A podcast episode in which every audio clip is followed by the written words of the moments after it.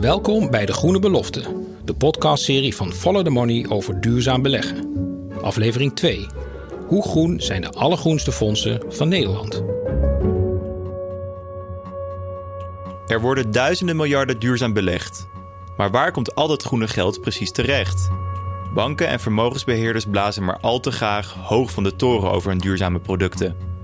Een van hen is Actiam, dat met een vermogen van 20 miljard euro bij wil dragen aan een betere wereld. Vol trots publiceerde de vermogensbeheerder een video waarin het de noodklok luidde voor het klimaat. Hoe ziet een wereld eruit waarin het woord ijsberen nog maar één betekenis heeft? Namelijk het lopen piekeren over de vraag: hadden we maar? We zien een podium met daarop een smeltende ijsbeer, Rutger Bregman die een praatje houdt en Karen Pasha die het woord neemt. Zij is duurzaamheidsspecialist bij Actiams moederbedrijf Cardano. De klimaatcrisis is de meest fundamentele mondiale uitdaging waarmee wij te maken hebben. In deze aflevering gaan we met Actiam in gesprek. Hoe toetsen zij bedrijven op hun duurzaamheid? Er zit nu een beetje spanning op. Want als Actiam zijn we ook een commercieel bedrijf. Dus wij willen ook klanten hebben en, en, en een financieel rendement maken. Tegelijkertijd willen we ook verandering in de reële wereld en de reële economie.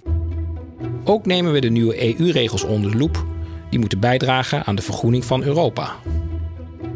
Een van de maatregelen om de groene transitie te versnellen is de SFDR, de Sustainable Finance Disclosure Regulation, regels omtrent duurzame financiering. Bas Eickhout, Europarlementariër voor GroenLinks, stond mede aan de basis van duurzame beleggingsregels en legt uit wat het idee erachter is. Het was wel heel erg bedoeld om greenwashing tegen te gaan. Dus daar zit eigenlijk uh, wat er zou moeten gebeuren is dat er heel veel geld nu nog steeds naar de fossiele sector gaat. En dat zou allemaal veel meer naar groen moeten gaan. Dus je moet het verschuiven van die financiële stromen. En waar de commissie mee is begonnen is te zeggen van nou laten we daar waar we naartoe willen. Dat is nu nog een kleine niche. Laten we die in ieder geval eensgezind uh, gaan formuleren. Zodat we weten waar het over gaat. En laten we proberen duidelijk te maken wat wij bedoelen met groene investeringen. De SFDR moet meer duidelijkheid creëren omtrent groene investeringen. Het verplicht fondsmanagers als Actiam zich in te delen in drie categorieën: grijs, lichtgroen of donkergroen. De donkergroene fondsen, officieel artikel 9 genaamd, hebben de strengste duurzaamheidseisen. Alle bedrijven waarin wordt belegd moeten een duurzaam doel hebben en mogen geen schade toebrengen aan mens en planeet. In Nederland zijn er ruim 400 van dit soort donkergroene fondsen. Samen met collega's van Investico en negen Europese kranten namen we deze super duurzame fondsen onder de loep. Wat bleek? Bijna de helft van Europa's donkergroenste fondsen investeert alsnog in bedrijven als Shell, KLM en Total Energies. Wat gaat hier mis? Zijn de Europese regels die meer duidelijkheid moeten verschaffen toch niet zo helder? Of willen bedrijven verhullen dat hun donkergroene fondsen toch nog bruine elementen bevatten? Om hierachter te komen hebben we een gesprek met Actiam, de grootste Nederlandse aanbieder van donkergroene fondsen. Zoals u net kon horen, maakt het groene investeringsbedrijf duurzaamheid tot de kern van hun beleid. Maar ondanks deze betrokkenheid met het klimaat kwam Follow the Money erachter dat ook Actiams donkergroene fondsen gezamenlijk 170 miljoen euro investeren in fossiele bedrijven. Daarom dit gesprek met Dennis van der Putten. Ja, Dennis van der Putten, welkom. Kan je misschien even uitleggen wat je functie is? Ja, natuurlijk kan ik dat. Ik werk bij uh, Actiam. Actiam is inmiddels onderdeel van Cardano. Um, daar ben ik Director Sustainability and Corporate Strategy. Als je dat simpel vertaalt, ben ik verantwoordelijk voor het duurzaamheidsbeleid uh, van Actiam. Hoe werkt duurzaam beleggen? Wat doe je anders als je groen belegt? Er is niet een, een één definitie van duurzaamheid. Dus die moet je eigenlijk voor jezelf bepalen. Wat vind ik nou duurzaam? En bij Actiam is het niet zo dat we grijze, groene en whatever fondsen hebben. Nee, alles wat wij doen moet duurzaam zijn. Dan kun je twee dingen doen. Ik doe alleen die duurzame bedrijven, die, die selecteer ik. Ons geloof is dat je daarmee niet gaat redden. Die groep van, van, van bedrijven die er al zijn, is gewoon te klein. Dus wat wij willen doen is een transitie stimuleren naar die duurzame samenleving. Dat betekent ook dat we de bereidheid hebben om in bedrijven te beleggen die op dit moment nog niet worden gezien als een engel, als fantastisch, als volledig groen. Maar waarvan wij de potentie zien en de kwaliteit van het management zien om die transitie te maken. Dat is ons vertrekpunt, dat is onze definitie van duurzaamheid. Jullie zeggen, we, we, hebben dus niet alleen maar de beste jongetjes van de klas. We hebben dus ook bedrijven die misschien er nu nog niet zijn, maar uh, waar we wel potentie in zien dat die er gaan komen. Ja. Hoe gaan jullie met zo'n bedrijven om? Ja, dus uh, stap 1 is het selecteren van die bedrijven. Laten we zeggen, je hebt een energiereus, altijd makkelijkst te praten. Uh, stel die energiereus die uh, bestaat voor 40% uit fossiele brandstoffen. Maar 60% komt hun inkomstenstroom al uit hernieuwbare energie. Dus op dat soort punten kijk je, beleid en gedrag samen, of ze een transitie aan het maken zijn en of dat geloofwaardig is. En welke bedrijven, welke energiebedrijven hebben jullie eigenlijk dan toch uitgesloten? Omdat je vindt dat ze te weinig vaart maken of eigenlijk weinig doen? Oh, dat zijn er heel veel wel. De, de, de energiesector is wat betreft niet het beste voorbeeld. Dus Shell, uh, BP. We hebben recent nog Total, Total Energies uitgesloten, ondanks dat die zeggen dat ze zo duurzaam zijn. Ja, maar jullie zitten er nog wel in. Zeker. Ja. Dus, dus, je hebt een aantal bedrijven zoals uh, Eni, waarvan wij zeggen, daar, daar, zien we, daar zien wij genoeg potentie in om daar toch in te beleggen. Wat hebben jullie in die afgelopen 30 jaar met deze strategie bereikt? Dat, dat is lastig meetbaar, maar ik zal je één voorbeeld geven. McDonald's, waarschijnlijk wel, wel bekend. Toen ik uh, jong en onbedorven was, kreeg je je milkshake in, in, in, in een kopje van foam dat werd in, in de bosjes gegooid. En het duurt, duurt 100 jaar voordat het is afgebroken. Wij zijn met McDonald's in gesprek gegaan. We, we hebben engagement met ze gevoerd. En we hebben gezegd dat moet anders. Als je nu een milkshake haalt of whatever, dan zit het in een hernieuwbaar, afbreekbaar cup. Uh, beker. Dat heeft te maken met het feit dat wij uh, als Actiam engagement hebben gevoerd met, met, met McDonald's. Maar zitten jullie, nog, zitten jullie nog steeds in McDonald's? Uh, ja, volgens mij beleggen wij nu nog in, uh, in McDonald's. Ik, ik snap fastfood wel. Ik ga ook wel één keer in het jaar naar McDonald's. En nu ik een dochter van 13 heb, ga ik er vier keer per jaar heen.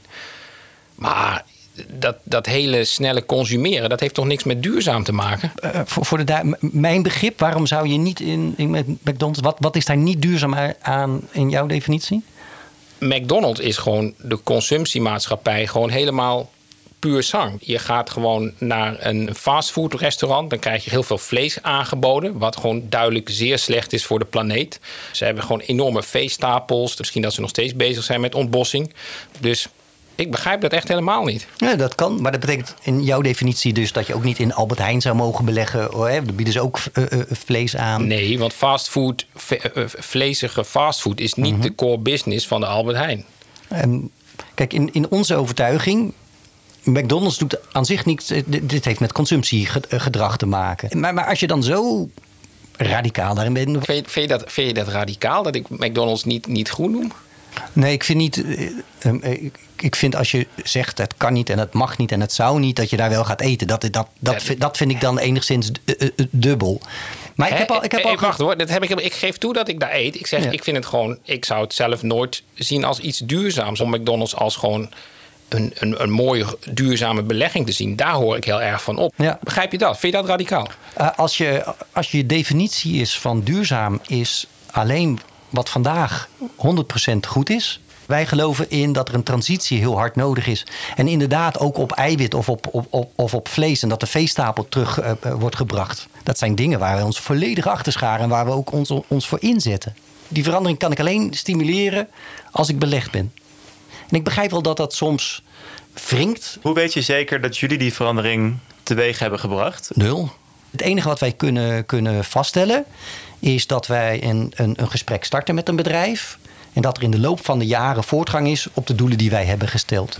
Maar, maar we zullen nooit claimen, dit is de verandering die je wel ziet bij bepaalde bedrijven, komt één op één doordat wij als Actiam dat hebben gedaan. Ik, wat, waar voor mij de grote verwarring zit, is dat heel veel van die ja, gangbare bedrijven, die toch gewoon een negatieve impact hebben op de planeet, ook nog groen uh, genoemd worden. Daar zit bij mij heel veel verwarring. Ja, nou, ik begrijp de verwarring wel, absoluut. Absoluut. En ik, en, en, en ik denk ook dat als je nou, ik wil niet zeggen ieder bedrijf, maar nagenoeg ieder bedrijf beursgenoteerd, als je dit, die zou bekijken en tegen de strengste norm aan zou houden. Uh, wij doen dat voor een van, onze, uh, voor een van onze strategieën die we voeren. Houden we ongeveer 2% van, van, van alle bedrijven hou je over. Waarom zeggen jullie niet op jullie homepage... Mm -hmm. er zijn maar 2% bedrijven beursgenoteerd in de wereld... die echt een impact kunnen hebben. Wij willen die ondersteunen, maar er zijn er te weinig... om, om daar een beleggingsfonds van te maken. Mm -hmm. Dus wij hebben gekozen voor deze en deze bedrijven... die voegen we er ook bij, om deze en deze reden. Maar dat heb ik niet op jullie website zien staan. Wat we aanbieden zijn impactstrategieën, vo volledig um, um, impact gerelateerd. Het zijn gewoon echt projecten dat, dat we microfinance leningen uitgeven aan vooral in, in opkomende landen aan personen. Ja, dat zijn eigenlijk beleggingen met directe impact. Ja. Precies. En dat, heeft dan geen dat zijn geen beursgenoteerde bedrijven. Ja. En die tweede, dat zijn de meest duurzame, wel beursgenoteerde bedrijven. Dus het grote verschil tussen 1 en 2 is het al dan niet beursgenoteerd zijn. Juist, maar die hebben dan ook wel impact in de categorie 2. Beperkt. Ja, beperkt. dus, dus voor ons, ons eigen model, ook als ik daar een euro extra in stop, of 10 of 100 of 100 miljoen, gebeurt er helemaal niks. Actiam hanteert grofweg twee beleggingsstrategieën.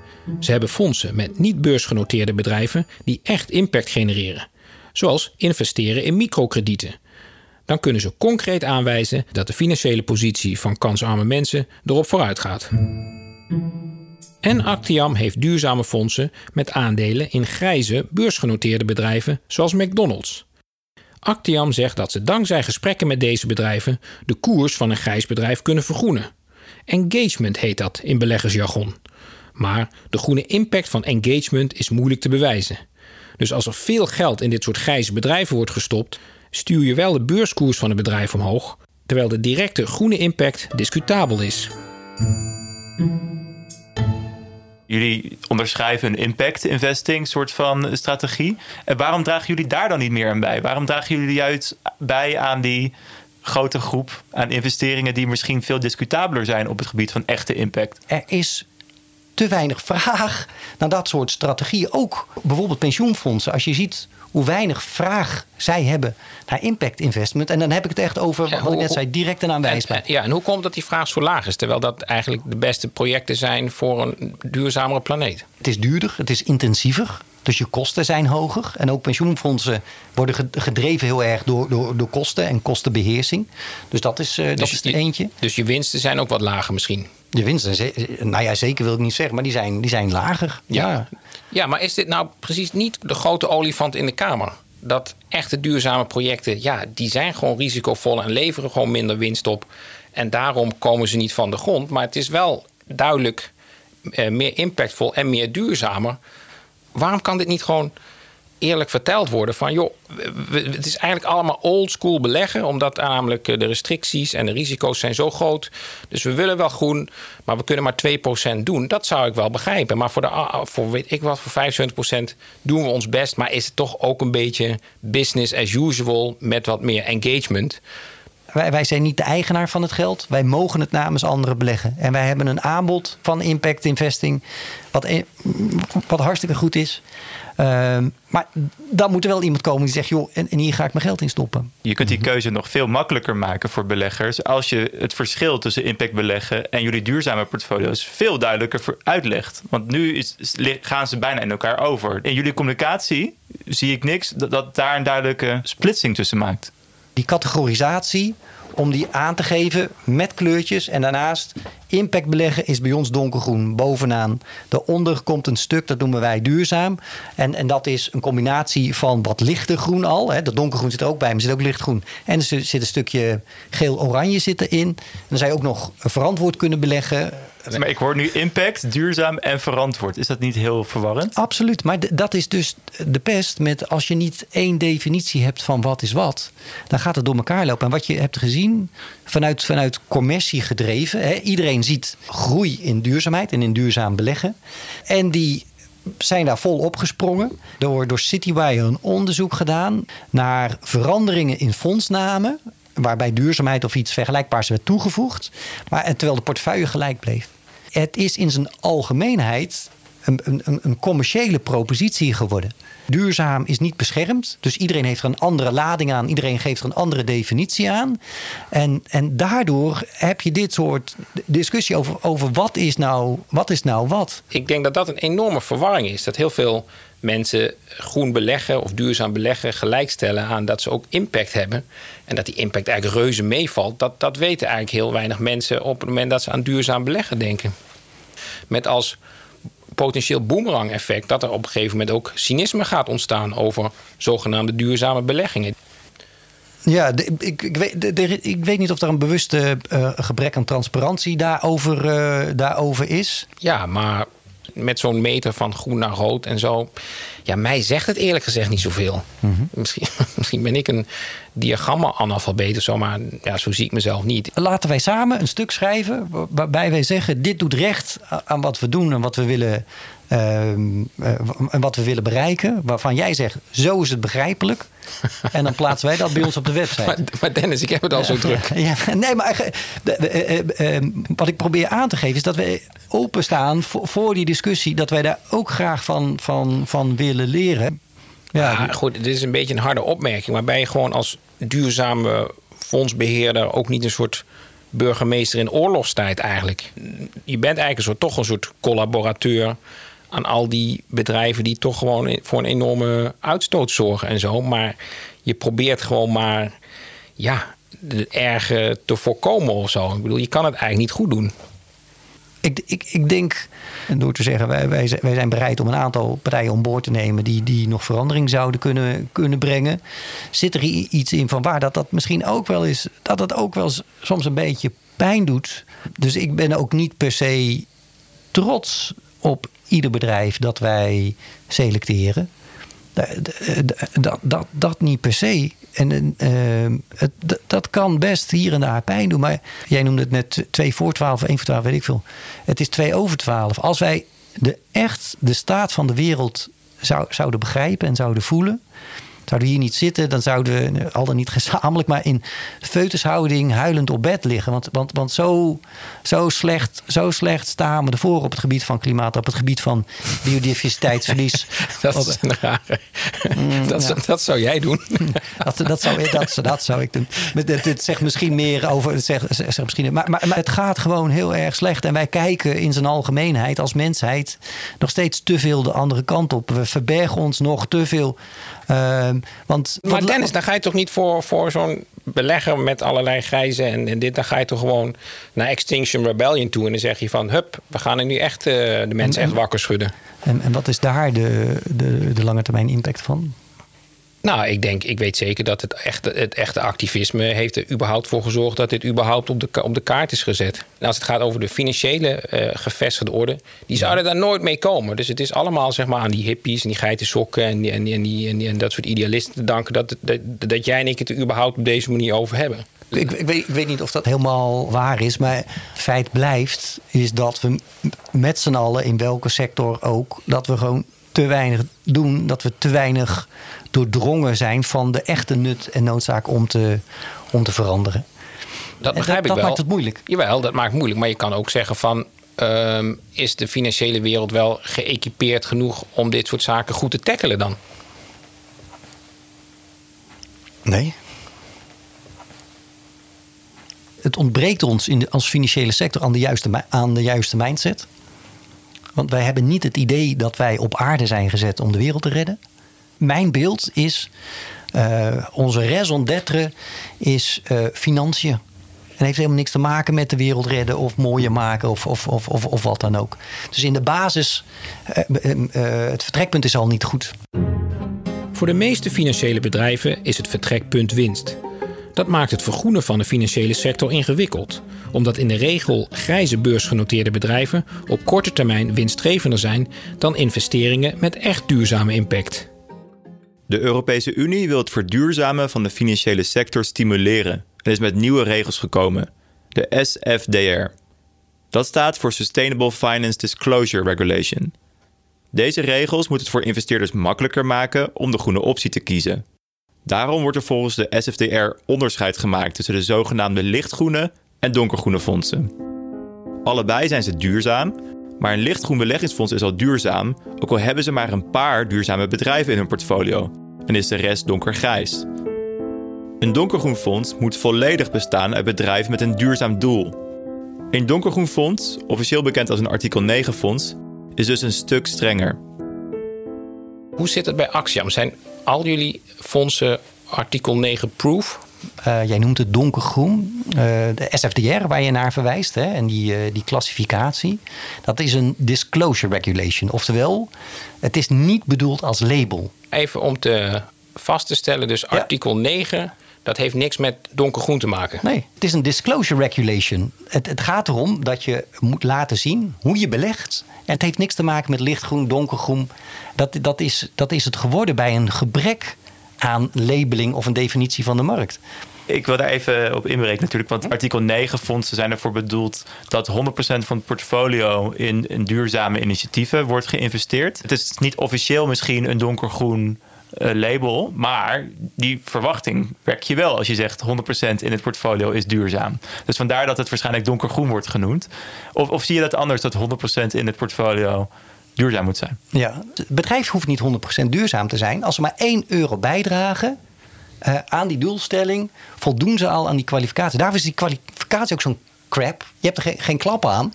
Uh, maar het is niet zo dat er 100% duurzame bedrijven in, in hoeven te zitten je zegt de kwalificatie is crap. Dus eigenlijk stelt het hele artikel 9 eh, stelt niks voor. Nou, ik vind die hele, hele, eh, hele, het hele klassificatiesysteem vind ik onzin. Ik wil duiding hebben. Is, mag ik in een oliebedrijf beleggen, ja of nee? En als dat, als dat bedrijf 2% in olie belegt, mag dat dan ook nog? Jullie zijn toch groen? Absoluut.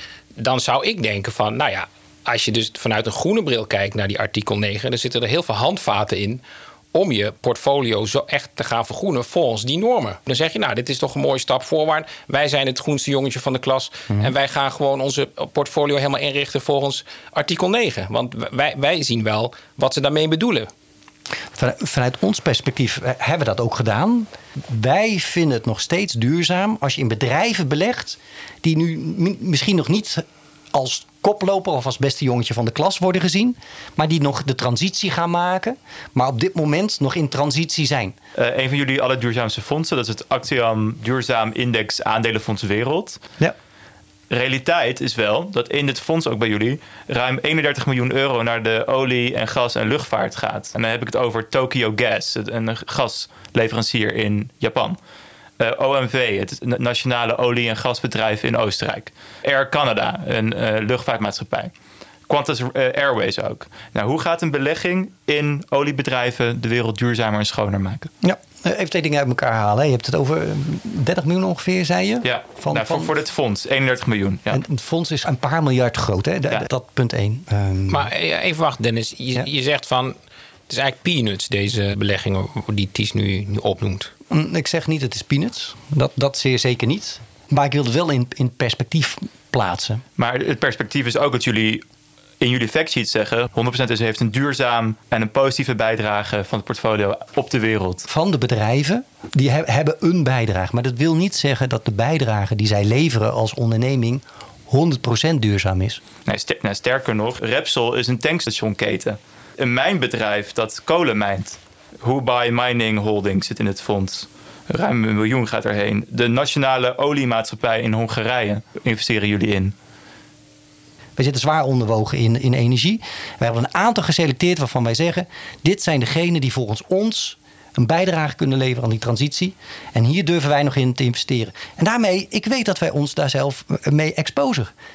dat wij uh, ons kwetsbaar maken voor dit soort gesprekken die wij nu hebben. En toch vinden wij dat dat de juiste manier is om te gaan. Hoe zit het dan precies? Want alle signalen zijn rood. We, er wordt juist meer geïnvesteerd in olie en gas dan minder. Hoe gaan jullie die partijen overhalen met jullie investeringen dat dat minder wordt? Het gaat juist de tegenovergestelde kant op op dit moment. Geen een van de partijen waar wij in beleggen is aan het uitbreiden in, in kolen bijvoorbeeld. Hè? Volgens dus de SFDR mag er geen significante schade gedaan worden. Dus hoe brengen deze bedrijven die ik net noem, mhm. dus luchtvaartmaatschappijen, vliegvelden, Equinor, waar jullie in investeren, Europa's grootste gasproducent, 96% van hun uh, omzet komt uit fossiel. Is dat significante schade? Als, als het 96% omzet uit fossiel is, eh, dan, dan dat is dat is niet een grens die wij hanteren. Dan zeggen, nou, en dan kun je nog geloofwaardig naar klimaatneutraliteit gaan. Dus dan zouden jullie ook uit Equinor stappen als, dat, eh, als die cijfers kloppen. Als die cijfers kloppen, dan, dan past dat niet in, in de manier waarop wij beleggen. Ja, nou, dus misschien dat er na dit gesprek wel een, een opscho- opschoning volgt van het portfolio. nou, dat, een opschoning vind ik een heel, heel groot woord. Hè? We hebben het over Equinor gehad nu. Ehm, Nee, we hadden het ook over andere bedrijven, toch? Eh, Sorry, als je me vooraf die, die naam had gestuurd, dan had ik in ieder geval kunnen kijken waar, eh, hoe, hoe hebben we ons assessment gedaan. Dennis van der Putten stelt dat een bedrijf in aanmerking komt voor de allergroenste artikel 9 kwalificatie als ze ook maar 1 euro steekt in een duurzaam project. Maar volgens verschillende juristen die Follow the Money sprak, horen fossiele bedrijven niet in een donkergroen fonds. Ook de AFM, de Autoriteit Financiële Markten, bevestigt dat als je een donkergroen artikel 9 fonds bent, dat het bezit van fossiele bedrijven dan een moeilijk verhaal is dat je heel goed moet uitleggen. U hoort Raoul Keuler en Zoe Duchatel, die bij de AFM toezicht houden op de naleving van de SFDR in Nederland. Het is voor ons interessant om jullie bevindingen te horen, want ook wij vinden het bijzonder dat je zegt dat je duurzame beleggingen tot doel hebt en eigenlijk in bedrijven blijkt te zitten die in de fossiele industrie actief zijn. Dat moet je dan heel goed kunnen uitleggen, wil je dat met elkaar in overeenstemming brengen. Dus dat is de, eh, onze voornaamste reactie, denk ik. Wat is een goede uitleg volgens jullie? Hoe ziet die er concreet uit? Je creëert bepaalde verwachtingen bij een belegger als je aangeeft ik ben een duurzaam fonds. Zeker als je zegt ik heb duurzame doelstellingen. Dan is de associatie donkergroen eh, snel gemaakt. Dan heeft een belegger bepaalde verwachtingen. Dus dan moet je uitleggen hoe je die verwachtingen waarmaakt. En kijk, als jij investeert in windmolens, dan hoef je niet zoveel uit te leggen hoe jij denkt dat dat bijdraagt aan een duurzame eh, doelstelling. Als jij belegt in een fossiel bedrijf, dan zal jij meer moeten uitleggen waarom jij toch denkt dat dat een bijdrage kan leveren aan een duurzame doelstelling. Bijvoorbeeld, hè, dan gaan we weer naar een fictief voorbeeld, maar omdat dat geld specifiek wordt gebruikt om een, een windmolenpark aan te leggen op een, eh, op een bepaalde plek of om zonne-energie op te wekken. Maar dan moet je daar wel heel specifiek in zijn. En ik zou het ook kwalijk vinden als dat wordt weggemoffeld in het, het grotere beleggingsbeleid. Je hebt jaarverslagen, je hebt prospectussen, je hebt de fondspagina. Op welke plekken moet dit gecommuniceerd worden? Als je al een heel verhaal houdt op je website en daar nergens daar naar refereert en het dan vervolgens ergens wegstopt in het prospectus, dan is dat mogelijk wel verkeerd. Dus, dus, dus zorg ervoor dat je eh, begrijpelijke taal gebruikt. Zorg ervoor dat je ook nadenkt over wat de klant verwacht van jouw taalgebruik. En dat soort zaken. En verstop zaken niet die belangrijk zijn voor de klant in een heel lang prospectus bijvoorbeeld. De AFM is duidelijk. Als er fossiele bedrijven zitten in een artikel 9 fonds, dan heb je de plicht als fondsmanager om dat duidelijk uit te leggen aan je klanten. Als je fossiele investeringen doet, waar dit soort discussies die we hier hebben over kunnen ontstaan, dat je dat tenminste duidelijk uitlegt op je website. Maar dat gebeurt niet. Nou ja, je hebt het niet kunnen vinden. Dat is wat anders. Als je in het jaarverslag of halfjaarverslag kijkt, staan gewoon alle posities lijn bij lijn staande genoemd. Maar kun je, kun je me nu En- laten zien waar jullie uitleggen op jullie website, wat echt een verplichting is volgens de SFDR, dat jullie deze keuzes gemaakt hebben? Onze definitie van duurzaamheid is dat we ook beleggen in bedrijven die adaptief zijn. En ja, maar dat, dat zelfs- snap ik, dat hebben we nu heel vaak besproken. En in ons jaarverslag, halfjaarverslag, staat regel voor regel onze positie in de fondsen. Dus ik ben het er absoluut niet Nee, maar, mee maar eens laten dat, we we, nu dat wij, kijken. Ik, dat we ik in vind het heel transparant zijn. interessant. Ja, la- hier, ik heb hem hier open op mijn computer. Nee, maar ik heb het over dit fonds. Ik wil de posities van dit fonds in een oogwenk kunnen zien, want dat moet volgens de SFDR. Is het te vinden? Ja, het is te vinden. We hebben gewoon een overzicht met waar we in beleggen. Wat er niet in staat is, dit is waarom we erin beleggen. Of dit is, dit is nog een eventuele negatieve impact. Maar is het denk je niet heel erg belangrijk, ook vanuit de wetgeving, omdat dat dus... Sorry, Tiesak, dus is het überhaupt te vinden of niet? Want dat is dat, Nou, ik heb het nog niet gezien tot nu toe, nee. ja, het is niet makkelijk te vinden. Ja, de, de mate van, van, van makkelijkheid, eh, dat, dat kan. Dat je zegt, ik vind, ik vind het niet makkelijk om te vinden. Maar je hebt hier de, de publicatiewebsite. En dan staan hier de... eh, ik ben niet zo heel handig met deze. We hebben het over duurzaam index aandelenfonds wereld. Deze, zei je? Ja. Hier staan dus alle posities in. Ja. Ja, op de, eh, op de factsheet staat de, staan de top 10 eh, beleggingen, de top 10 holdings. Maar ja, maar dat, ja, dat is bij lange na natuurlijk niet het compleet beeld. Zeker niet. Zeker geen compleet beeld. We zitten nu inmiddels ruim pagina in de, diep in de tachtig al. Dat, zou, dat zou kunnen. ik heb niet gezegd dat het makkelijk was per Maar, se. maar is dat niet het doel van de, van de Sustainable Finance Disclosure? Je zei het gaat om disclosure. En we zitten hier nu al. Het ik, bedoel, het ik wil weten dat ik als belegger naar Repsol of naar OMV. kan ik het hier inzien? Als je je best doet, dan kun je dat hierin. Oké, we zijn ons best aan het doen. Misschien appeltje F. To- Tokyo Gas, laten we daar even op zoeken. Oké. Ja, Er staat op pagina 97, hij is gevonden. hij staat er wel in. Maar makkelijk was het niet. Ehm, ja, wat mij echt verbaast is dat het is heel duidelijk dat met artikel 9, met de regels uit de EU, wil Brussel meer helderheid aangeven. Dan kan je zeggen, ja god, zo helder is het allemaal niet. Maar als je juist de intentie hebt om het gewoon strakker te trekken, om, om mee eens te zijn van we moeten ook gewoon eh, strenger zijn. Waarom pak je dan niet zo'n regulering met beide handen aan en zeg van wij zullen er 100% zonder controverse voor zorgen dat onze duurzame beleggingen helemaal artikel 9 proof zijn? Dat, dat klopt. En we hebben dat ook overwogen. Dat zou voor ons betekenen dat we dat stuk waar we engagementgesprekken mee voeren, dat we die bedrijven uit zouden moeten gaan sluiten. En eh, die, die bereidheid hebben wij niet. En waarom noemen jullie jezelf dan geen artikel 8 fonds? Want dat is, eh, heeft veel minder hoge standaarden. Daar kun je veel makkelijker met een paar procent van je portfolio, dat wat duurzaam is, kun je dat gewoon nou, lichtgroen even eh, in jargon noemen. Nou ja, misschien dan maar artikel 8 worden. En, ehm, ja. Een van de interne discussies is inderdaad: gaan we nou dit gevecht aan? Of, of we, kiezen eigenlijk voor de makkelijke weg. We maken het artikel 8. En dan, dan krijgen we geen enkele vraag erover. En dan kunnen we in. Was het Tokio gas? Of, eh, Ja. we kunnen gewoon prima eh, eh, beleggen. En dan zijn we, dan zijn we overal. Zijn we over, Wat, hadden jullie me niet eens uitgenodigd, eh, bij, wijze van? Ik denk dat je daar gelijk in hebt. Ik denk dat wij heel erg op art- artikel 9 zitten. Ja, dat klopt. Ja, dus. ehm, ja, dus ja, eh, eh, wellicht dat we alsnog voor, voor artikel 8 dan gaan kiezen. Maar Want nul? dan, want dan ben je van ons af. Nee, nee, nee. Want ik, Geintje. Nee, ik- maar ons vertrekpunt, hè, of mijn vertrekpunt is: ik moet alles wat ik doe, iedere euro die ik eh, beleg, moet ik voor een journalist kunnen verantwoorden. Dat zeggen we altijd intern. Ik wil nooit. ehm, ehm, ehm, gezeur kunnen krijgen of, of, of whatever. Ik, ik, wij staan voor wat we doen en dat, moet uitlegbaar zijn. En eh, we gaan ieder gesprek gaan we, eh, gaan we, gaan we aan. Dus, dus dat doen we ook van, van, van, van gans harte. Dennis zijn verhaal is helder.